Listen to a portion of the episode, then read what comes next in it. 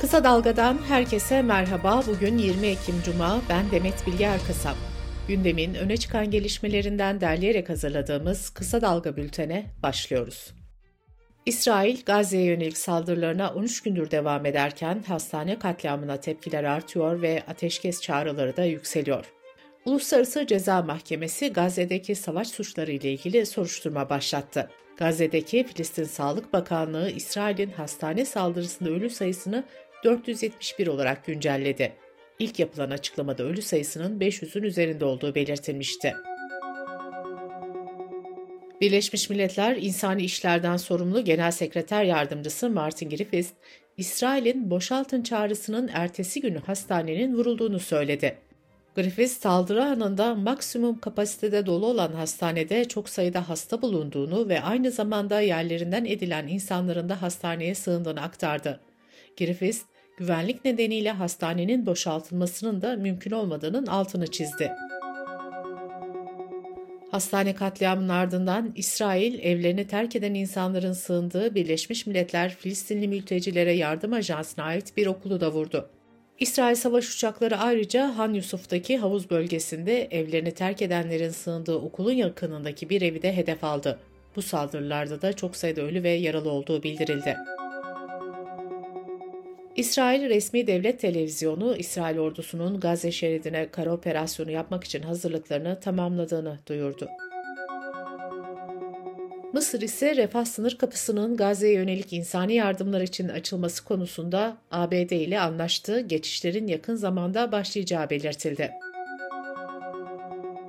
Türkiye'de İsrail'in hastane katliamından sonra 3 gün ulusal yas ilan edildi. Bayraklar yarıya inerken birçok etkinlikte ertelendi. İsrail Ulusal Güvenlik Bürosu Türkiye'deki vatandaşlarına ülkeyi terk etmeleri çağrısında bulunmuştu. Ülkelerine dönmek isteyen İsrail vatandaşları için Tel Aviv'den gelen iki yolcu uçağı İstanbul'dan önceki gün ayrıldı. Rusya Dışişleri Bakanı Lavrov, Türkiye'nin çözüm amacıyla gündeme getirdiği garantörlük önerisine destek verdi. Rusya ve Türkiye'nin Orta Doğu'daki durumla ilgili sürekli temas halinde olduğunu belirten Lavrov, her türlü yapıcı teklifi tartışmaya hazırız. Bu girişim açıkça gerilimi düşürme ve durumu normalleştirme arzusu tarafından dikte ediliyor diye konuştu. Dışişleri Bakanı Hakan Fidan geçtiğimiz günlerde garantörlük formülünü gündeme getirmişti. Hakan Fidan şunları söylemişti. Her iki tarafında mutabık kalacağı bir anlaşmaya varıldıktan sonra bunun gereklerinin yerine getirilmesi hususunda garantör ülkeler sorumluluk üstlensin. İsrail'e dünyadan tepkiler de devam ediyor. ABD Dışişleri'nde müttefikler ve ortaklarla silah tedariki biriminde genel müdür olarak görev yapan Josh Paul, artık bunun bir parçası olmak istemiyorum diyerek istifa etti. Amerika'da İsrail protestoları da devam ediyor. Savaş karşıtı binlerce Yahudi kongre binası önünde gaz eylemi yaptı. Kongre binasına giren bir grupta oturma eylemine başlayıp ateşkes çağrısı yapılmasını talep etti. İngiltere'nin başkenti Londra'da da yüzlerce kişi Gazze'deki hastane saldırısını protesto etti. Protestocular katliamı durdurun ve Gazze'yi bombalamayı durdurun yazılı pankartlar taşıdı. Almanya'nın başkenti Berlin'de Filistin'e destek amacıyla düzenlenen gösteride onlarca kişi gözaltına alındı. Çok sayıda kişi de yaralandı. Almanya'da İsrail karşıtı olan ya da Filistin'e destek veren gösteriler polis tarafından büyük oranda yasaklanmıştı. Almanya İçişleri Bakanlığı da yasağın uygulanması için sert polis müdahalesine başvurulacağını duyurmuştu. Birleşmiş Milletler Genel Sekreteri Antonio Guterres de sosyal medya hesabından bir mesaj paylaşarak insanların çektiği korkunç acıların azaltılması için Orta Doğu'da acil insani ateşkes çağrısı yaptı. İspanya Sosyal Haklar Bakanı Ione Bellara ise hükümete bir çağrı yaparak Filistin halkına yönelik planlı soykırım nedeniyle İsrail'le diplomatik ilişkilerin askıya alınmasını istedi. Dünyadan 801 akademisyen Gazze'de olası bir soykırım hakkında uyarıda bulunan ortak bir yazılı açıklama yaptı. Açıklamada tam abluka, göçe zorlama, göç yolunda insanların bombalanması ve hastane katliamı hatırlatılarak İsrail saldırılarının olası bir soykırımcı niyetle yapıldığına ilişkin emareler var denildi. Türkiye gündeminin öne çıkan gelişmeleriyle bültenimize devam ediyoruz. Türk askerinin Irak ve Suriye'deki görev süresini iki yıl daha uzatan Cumhurbaşkanlığı tezkeresi geçtiğimiz günlerde mecliste kabul edilmişti. CHP Genel Başkanı Kemal Kılıçdaroğlu ise tezkerede yabancı askerlerin de Türkiye'de bulunacağı ifadesinin yer aldığını belirterek tezkereye karşı olduklarını açıklamıştı. Kılıçdaroğlu vatandaşlara SMS atarak tezkereyi protesto etti. İletişim Başkanlığı ise tezkerenin 2014 ve 2015'teki Birleşmiş Milletler Güvenlik Konseyi kararına istinaden hazırlandığını belirtti. Açıklamada yabancı askerlerin gelip Türkiye'ye yerleşmesi gibi bir durum söz konusu değildir denildi. Siyaset gündeminin öne çıkan maddesi CHP'nin 4-5 Kasım'da yapacağı kurultay oldu. Seçimlerden sonra değişim seslerine yükseldiği CHP'de genel başkanlık için Kemal Kılıçdaroğlu ile Özgür Özel yarışacak. Kurultayın ilk günü başkanlık seçimi yapılacak. CHP tüzüğüne göre genel başkan adayı olmak için delegelerin %5'inin imzasının alınması gerekiyor. Gazete Duvar'dan Nergis Demirkaya'nın haberine göre iki tarafta daha yüksek sayıda imza toplayarak kurultay sürecine daha avantajlı başlamanın hesabını yapıyor. Yaklaşan yerel seçimlerle ilgili de yeni gelişmeler var. CHP lideri Kemal Kılıçdaroğlu İzmir ve Balıkesir Büyükşehir Belediye Başkan adaylarını açıkladı. İzmir adayı Tunç Soyer, Balıkesir adayı ise Ahmet Akın olacak. Yöneylem Sosyal Araştırma Merkezi seçimin ardından siyasete dair hisler başlıklı araştırmasının sonuçlarını açıkladı. Siyasetteki kasvetli hava araştırma sonuçlarına da yansıdı.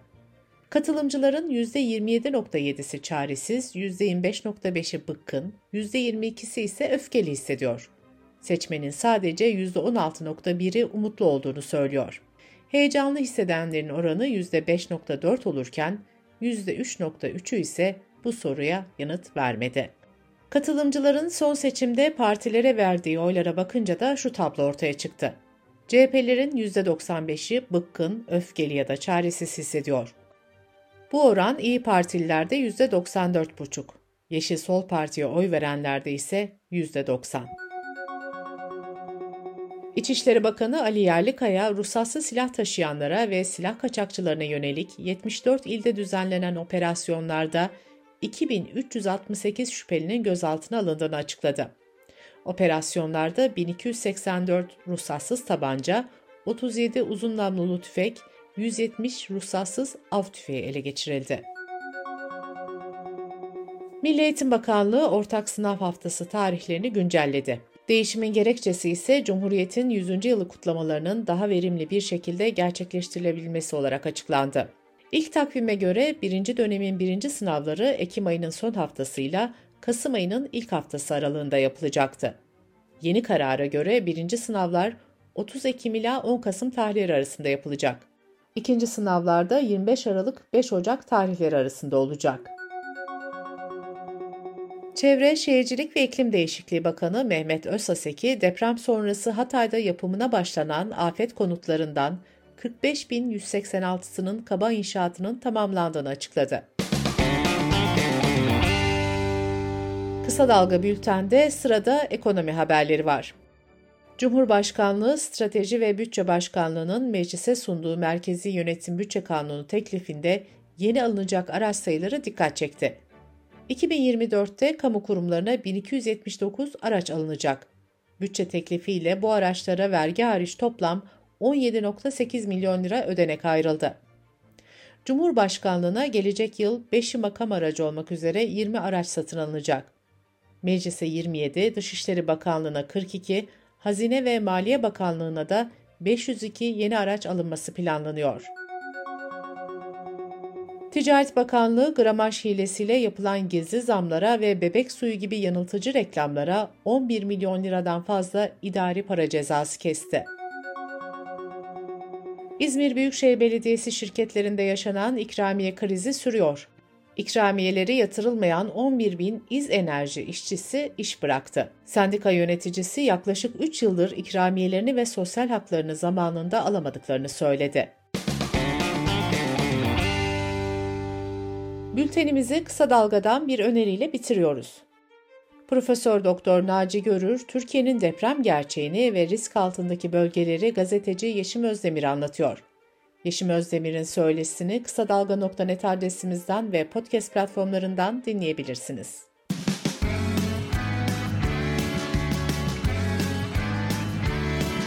Kulağınız bizde olsun. Kısa Dalga Podcast.